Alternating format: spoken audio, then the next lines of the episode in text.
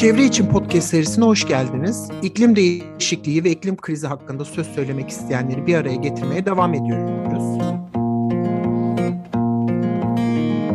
Bu haftaki konuğumuz Nurbahar Usta. Nurbahar hoş geldin öncelikle. Merhabalar, hoş buldum. İlk olarak bize kendinden ve çalışmalarından bahsedebilir misin? Ee, tabii. Öncelikle nazik davetiniz için çok teşekkür ederim. Ee, çalışmalarını, aktivitelerini ilgiyle takip ettiğim birçok kişinin katıldığı bu podcast serisinde onlarla yer almak benim için gurur verici bayağı. Ee, kısaca kendimden bahsedeyim. Nurbahar Usta ben. Ee, Yıldız Teknik Üniversitesi Biyomühendislik bölümünden mezun oldum. Yüksek lisansta ODTÜ Biyolojik Bilimler bölümüne geldim. Ee, burada lisans eğitimi sürecinde öğrenme fırsatı bulamadığım evrim, ekoloji, doğa koruma konularında dersler aldım. Ardından da Türkiye'de doğal yalış gösteren endemik bir ağaç türü olan Kaz Dağı göknarının farklı iklim değişikliği senaryoları altında dağılımının yani dolaylı olarak popülasyon büyüklüğünün nasıl değişebileceğine dair ön fikirler veren bir modelleme çalışmasıyla yüksek lisans tezi hazırladım.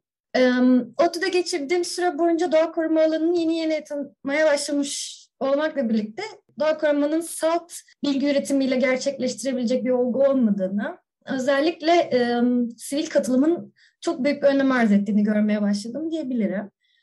E, bu sebeple çeşitli sivil toplum kuruluşlarında aktif olarak görev alıp bazen de projelerine ortak oldum. E, örneğin Gürcistan, Bulgaristan ve Türkiye'den doğa koruma alanında çalışan gençlerin hem bilimsel hem de savunuculuk kapasitelerini artırma hedefi olan bir projede çok severek yer aldım.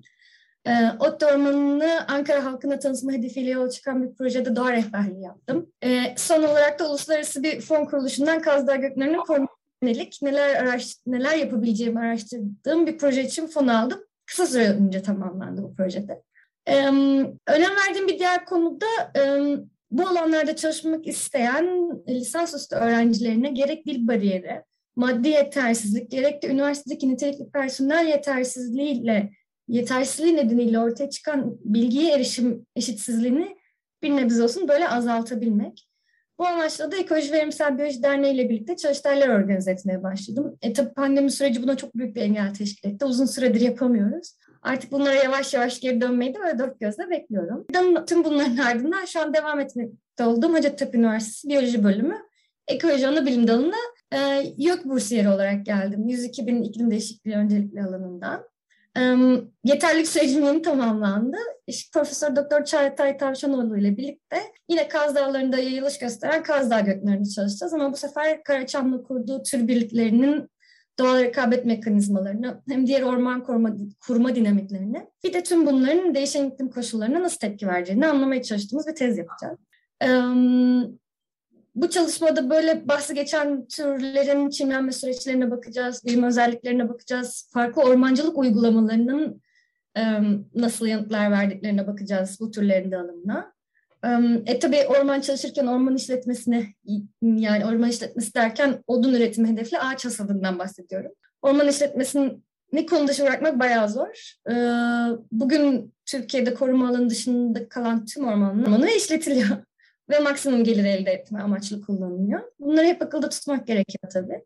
Ee, tüm bunları düşünerek böyle çalışma sürecinde üreteceğimizi umduğum tüm ekolojik bilgiyi baz alarak yeni bir koruma yaklaşımı önermeye hedefliyorum. Çok teşekkürler. Ee, en baştan başlayalım. Bize Tabii. orman ekosistemlerini en basit haliyle anlatabilir misiniz? Tabii anlatırım. Ee, şimdi orman derken biz genel olarak FAO'nun yaptığı işte Convention of Biological Diversity'nin kay kabul ettiği tanımı kullanıyoruz. Orman dediğimizde 0.5 hektardan büyük, en az %10'u ağaç gölgelik örtüsüyle kaplı. Bu ağaçların da ortalama uzunluğunun 5 metre olduğu, e, belli bir kullanım alanı olmayan, tarımsal alan olmayan, yerleşim alanı olmayan bölgelere orman diyor. İşte Türkiye Cumhuriyeti Anayasası'nın 68-31 numaralı orman kanununda da aşağı yukarı benzer bir tanım yer alıyor. Bu kadar keskin sınırlar içermiyor ama tabii olarak yetişen veya emekle yetiştirilen ağaç ve ağaç topluluk, topluluklarına orman deniyor. Yani aslında doğal yetişmiş olmasını şart koşmuyor. Dikme yoluyla oluşturulmuş ağaç birliklerine de orman diyebiliyoruz e, bu kanunla birlikte.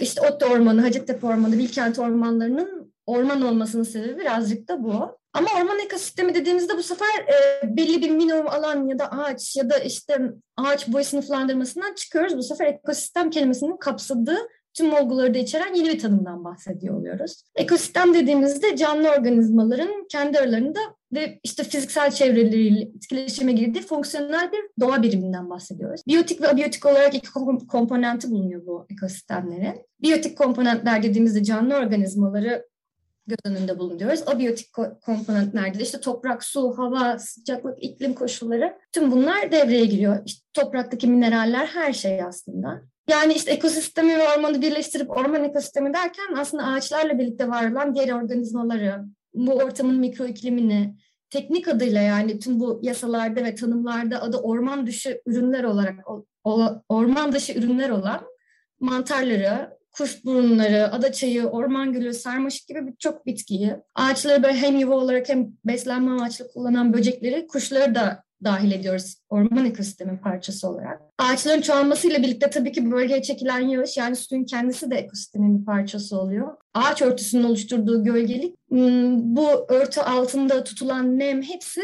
ekosistemin bir parçası oluyor. Ee, yine biz ekosistemden bahsederken sadece bunları değil, burada gerçekleşen döngülerden ve işlevlerden de bahsediyoruz. İşlev derken ama hani ekosistem hizmeti diye tanımlanan o insana hizmet, insana sağladığı katkılar anlamından bahsetmiyorum. Daha ziyade birlikteliklerden doğan böyle karşılıklı ilişkilerle yönetilen süreçlerden bahsediyorum, doğal süreçlerden. Bunlardan biri üretim. Üretimden kastımız işte oksijen üretimi, besin üretimi. Birinci üretim diyoruz buna, fotosentez sırasında üretilen her şeyi kapsayan üretime. Dekop dekompozisyon işlevi var tabii ki ormanların. Yani çürüme, yani ölen organizmaların inorganik bileşenlerine ayrılıp tekrardan toprak olması demek. Aslında yani orman ekosistemi dediğimizde sadece ağaçları ve işte ağaçların boylarını değil bu saydığım döngüler dahil olmak üzere orada var olan ve gerçekleşen her şeyden bahsediyoruz diyebilirim. Çok teşekkür ederiz bu ayrıntılı tanım için. Ee, or, orman ekosistemlerinin bozulması peki iklim değişikliğini nasıl etkiliyor? Tabii bir de buna karşılık olarak e, küresel ısınma da orman ekosistemlerini nasıl etkiliyor diye sormak lazım bir yandan. Kesinlikle yani sizin de belirttiğiniz gibi böyle bir tek yönlü bir ilet, iletişim ya da etkileşim yok bunların arasında. İkisi de birbirine sürekli geri besleyen olgular.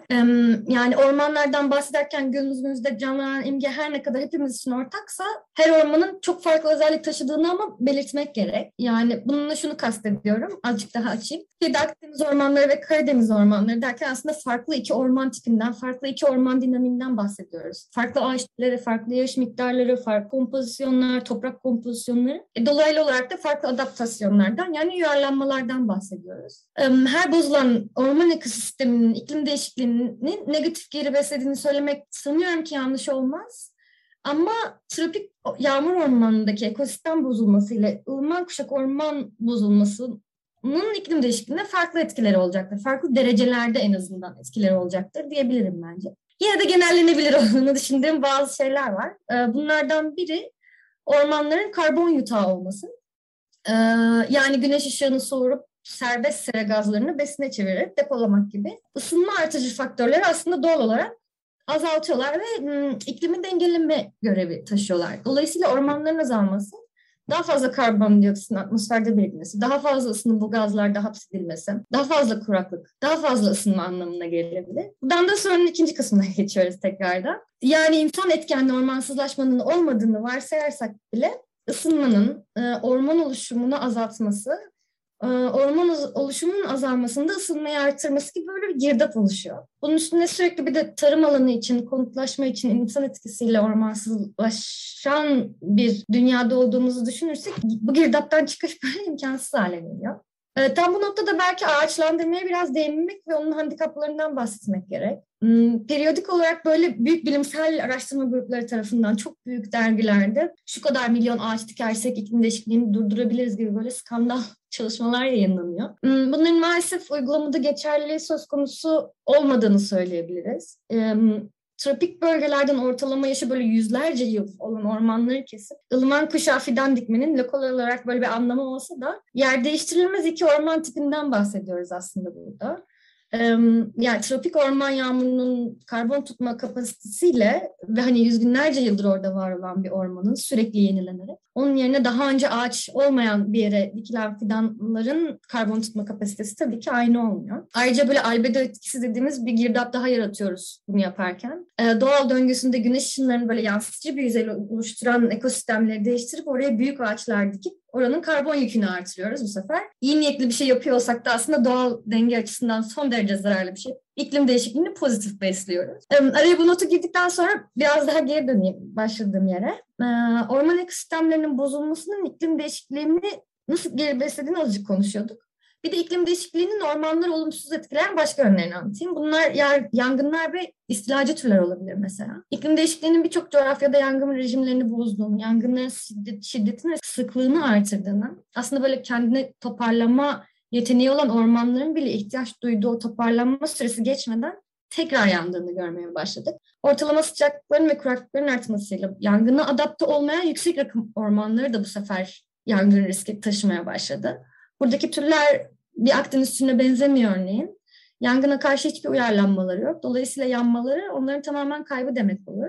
İklim değişikliği bu riskin en ana etkinliği diyebiliriz ve bu riskin çokça arttığından bahsedebiliriz. İstilacı türlerde böyle çoğunlukla böcekler olarak sınırlandırabilmeyiz çok emin değilim ama ben çoğunlukla orman böceklerinden bahsediyor olacağım. Hmm, özellikle böyle uluslararası odun ticaretiyle birlikte farklı coğrafyadan oranın doğal türü olan bazı böcekler yeni bir yere taşınıyor. Doğal avcıları olmuyor taşındığı yerde. Yani popülasyon büyüklüklerini dengeleyecek bir etmen bulunmuyor. Üstelik daha da önemlisi ortalama sıcaklıkların artmasıyla böyle yavru sayılarını sınırlandıracak işte kış soğuğuyla onları öldürecek ya da popülasyon büyüklüklerini sınırlayacak etmenler olmadığında çok büyük şeylere, sayılara ulaşıyorlar gittikleri yeni yerde. Hmm, sürekli yaşamaları için uygun sıcak bir ortamın olduğunu düşününce ve avcılarının da olmadığını düşününce bütün ormanı domine eden hale gelebiliyorlar ve hem bölgenin doğal faunasına, böcek faunasına zarar veriyorlar hem de ormanın kendisine, orman ağaçlarına zarar veriyorlar.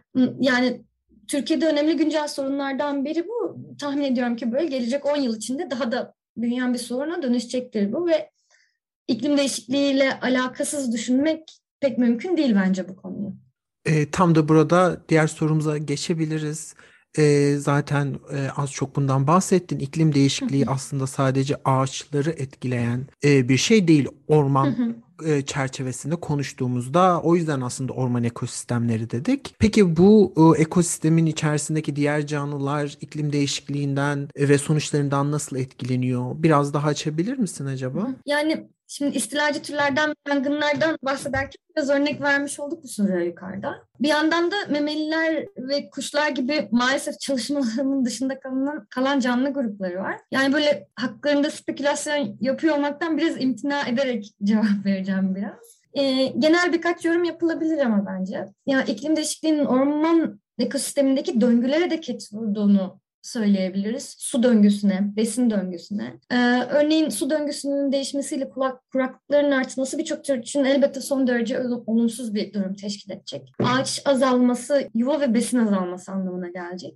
Ağaç kurumaları bu sefer öksü otu gibi türlerin dominantlığına neden olacak. Yani ağaç kurumalarını daha da artıran bazı türleri daha fazla ortama çekecek. Hmm, ağaç köklerinde yaşayan ve bu dekompozisyon, çürüme olarak bahsettiğimiz e, süreci düzenleyen mantarları çok kötü etkileyebilir bu kuraklıklar. Çünkü çok yüksek derecede neme ihtiyaç duyan canlılar. Dolayısıyla bu çürüme süreci, çürüme ya da yeni toprak oluşma diyebiliriz. Bu döngü etkilenebilir. Bu döngü etkilendiğinde de toprak kalitesi düşüp bu sefer diğer orman altı, orman örtüsü altı bitkilerin büyümesi yavaşlayabilir. Çok ne kadar kompleks bir sistem olmaya çalıştığını biraz anlattım. O yüzden öngöremediğimiz birçok etkisi de bulunabilir. Üzerinde böyle çalışan, araştıran kişi olmadan tahmin yürütmem elbette ki çok zor ama bu genellemeleri yapabiliriz diye düşünüyorum. Ee, peki siz bu bahsettiğiniz etkileri daha iyi anlamak için e, deneyler ve modellemeler üzerinde çalışıyorsunuz. Biraz da bunlardan e, sizin e, bunları nasıl yaptığınızdan bahsedebilir miyiz? Tabii. Ee, yine böyle sadece kendi hakim olduğum alanlardan konuşacağım. Etki mekanizmaları ve olasılıklar sonsuz olasılıklar olduğu için öngörmek ya da anlamak için de o derece oranla yöntem mevcut. Ee, ama ben, dediğiniz gibi benim kendi yaptığım bir şey modellemeler ve deneyler olarak ikiye ayırabilirim bence. Ee, örneğin mesela ormanlar söz konusu olduğunda tohum büyümesi ve çimlenmesi benim açımdan çok önemli bir faktör. Çünkü bir sonraki nesli oluşturmanın ve bu neslin büyüklüğünü, sağlığını tohumlarla doğrudan ilişkili buluyoruz. O yüzden artan sıcaklık ortalamaların tohum büyütmesi üzerinde ne gibi etkisi olduğu incelenebilir. Biraz da öyle bir şey yapmaya çalışıyoruz biz. Artan sıcaklıklarla daha geç ya da daha erken filizlenme olabilir. Filizlenme oranındaki azalma, işte filizlenmeyi takip eden yılın sonundaki büyüme oranı. Ya da daha öncesinde bir ağacın ürettiği ortalama toplam sayısı, bu tohum, toplam tohum sayısı bu tohumların sıcaklıkla birlikte değişen kaliteleri ölçtüğümüz ve ölçmeyi planladığımız şeyler arasında. Kurduğumuz düzeneklerde genel olarak laboratuvarda işte kontrollü sıcaklık uygulamaları, 10 derece yetiştirme, 10 derecede yetiştirme, 20 derecede yetiştirme, çimlenme sayılarına bakma gibi aslında son derece e, klasik yöntemler diyebilirim bunlara. Buradan çıkan sonuçlar bize gelecek 10 ya da 20 yıl içinde öngörülen sıcaklık artışının o türün devamı ile ilgili da yorum yapma imkanı sunuyor. Tabii ekosistemlerden bahsederken tek bir türden çıkarılacak sonuç anlamlı tabii ki ama bir yere kadar anlamlı. Çünkü türler tek başına var olmuyorlar. Etrafındaki birçok türle birlikte etkileşim içinde gelişip büyüyorlar. Bir ormandaki her türle çalışmak hem bir kişi için hem ya da bir çalışma grubu için zamansal olarak da efor olarak da pek mümkün değil. O yüzden en sık gözlenen ikili ya da üçlü tür birliklerine bakabiliyoruz. Onlar arasındaki ilişkilere. Örneğin rekabet ilişkileri önemli bir faktör bizim için. Hangi türle hangi tür e, ürün rekabet mekanizması bize bu türlerin birlikte yaşayışı hakkında ne söylüyor? Ya da kolaylaştırma dediğimiz diğer bir dinamik var. Bu da bir türün başka bir türün yetişmesi için yeni ortamlar oluşturması anlamına geliyor. Bunları da yine çok basit yöntemlerle ölçüyoruz. Fide sayarak, tohum sayarak, sıcak ölçerek, işte birey sayısı sayarak, boy ölçerek falan yapabiliyoruz. Bu ilişkileri tabii ki değişen sıcaklıklarla birlikte değişeceğini varsayıyoruz. O da bütün ekosistem dengesini değiştirecektir diye düşünüyoruz. Hipotezimiz bu. Jenerasyon süresi dediğimiz yani bir nesil oluşturma süresi kısa olan canlılarda deney düzenekleri kurmak çok daha kolay. Ee, o türün her şeyini, yaşam süresini, birey büyüklüklerini, yavru sayılarını ölçmek çok daha kolay ama böyle ağaçlar gibi onlarca hatta yüzlerce yıl yaşayan türlerde gözlem kayıtları çok daha önemli hale geliyor. Çünkü bir insan ömrü süresi içinde muhtemelen göremiyoruz e, doğuşunu ve ölüşünü bir ağacın. E, bu noktada modellemeler devreye giriyor diyebilirim. E, birkaç yıllık veri toplayıp bu veri arasındaki ilişkileri ortaya çıkarıp yani birbirleriyle korelasyonları, zıtları vesaire. Bu veriler arasındaki iletişimin farklı bir varyasyon etkisi altında nasıl değişeceğini tahmin ettirmeye çalıştığımız bazı araçlar kullanıyoruz. Bir de bugün yaygın olarak kullanılan iklim modellemeleri var. Ee, örneğin bugün bir türün bulunduğu coğrafi konum ve o konumun iklimsel özelliklerini alıp iklimsel özellikler değiştiğinde nereler onun için daha yaşanabilir hale gelecek ya da nereler yaşanmaz hale gelecek gibi türde alım modellemesi ismini verdiğimiz bu yöntemi de kullanıyorum sıkça. Yani yine dediğim gibi bunlar böyle orman ekolojisi çalışan disiplinin yöntemlerinin binlerce yönteminden birkaç tanesi sadece. Sadece hakim olduklarımı anlattım. Tabii çok büyük engellerden biri daha önce de bahsettiğim gibi herhangi bir ekolojik süreci anlamak için sadece ormanları değil, insan ömrünün kısalığı ve e, şeyin karmaşıklığı, ekosistem dinamiklerinin karmaşıklığı. Onların hepsi bizim alanımızda da söz konusu. Peki e, Türkiye'deki durum nasıl? Yani hani yukarıda az önce bahsederken şey yapamadım ya e, ormanlar hakkında genelleme yapamadım ya Karadeniz ormanı ile Akdeniz ormanı farklıdır işte tropik ormanla ılıman farklıdır diye. Türkiye için de aynı şey geçerli. E, çünkü bir bölgedeki ormanın varlığı ve nasıl gözüktüğü aslında o bölgedeki orman işletmesine o işletmede görev yapan kişilerin vizyonuna epey bağlı. Daha direkt olarak da devletin ormancılık politikasına bağlı. Son yıllarda böyle odun ürünlerinden elde edilen gelirin artırılması hedefi var ve bu hedef sürekli yükseltildiği için çoğu bölgede yıllık kesim miktarının arttığını söylemek yanlış olmaz. Daha çok kesim evet daha çok gelir demek ama kısa vadeli bir çözüm bu. Bir ormanı yeniden oluşturmanın ne kadar uzun süreç olduğundan az çok bahsettim bugün sanırım. Çok iyi durumda, çok sağlıklı, kendini devam ettirebilen ormanlar da mevcut. Ama artık vahim durumda diyebileceğimiz yerler de var.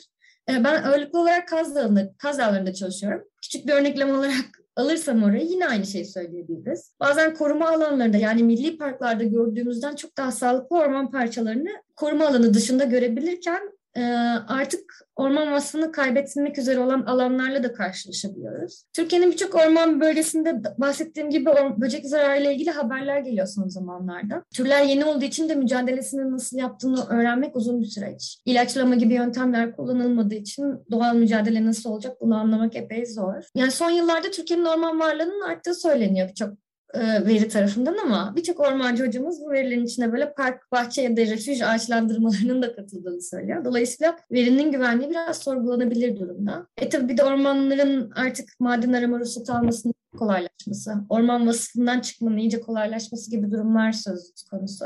Bir de biliyorsunuz bayağı ağır bir yangın sezonu geçirdik bu yıl. Benim danışmanımın da büyük çabalarıyla bu konuda epey bilinçlendirme yapıldığını düşünüyorum. Fakat genel olarak Türkiye'de orman bilincinin yani elbette ki bu eğitim müfredatlarında bu konunun eksikliğine bağlı. Ee, başka kimsenin suçu değil. Ee, biraz tek taraflı ve yüzeysel bir orman algısı var. Hmm, ağaç sevgisi yok demek çok büyük haksızlık olur herkese karşı. Kesinlikle ağaç sevgisi var ama ormanı bir bütün olarak görmek, böyle her şeyin doğalı olsun, ahşabı olsun derken aslında onun bir ormandan geldiğini hatırlamak. Her ormanın pikniğe, kampa uygun olmadığını, ormanların içinden yol geçmesinin gerçek anlamda orayı ikiye bölmek olduğunu falan unutmamak gerekiyor. Durum aşağı yukarı bu. Ne çok kötü diyebilirim ne çok iyi diyebilirim.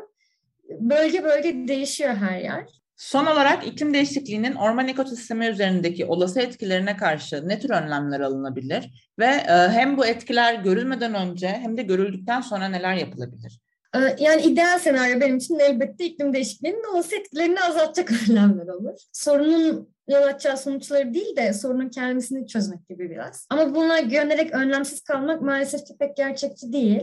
Ee, şu anda dünya ormanlarının en büyük sorunu insan etkisiyle ormansızlaşma. Öncelikle bunu bir çözmemiz gerektiğini düşünüyorum. Yani artık tarım alanı açmak için, yerleşim alanı için, maden için vesaire toplu orman kesimlerinin kesinlikle durdurulması gerektiğini düşünüyorum. Çünkü kesilen o binlerce hektarın yerine hiçbir şey tutmuyor bahsettiğim gibi.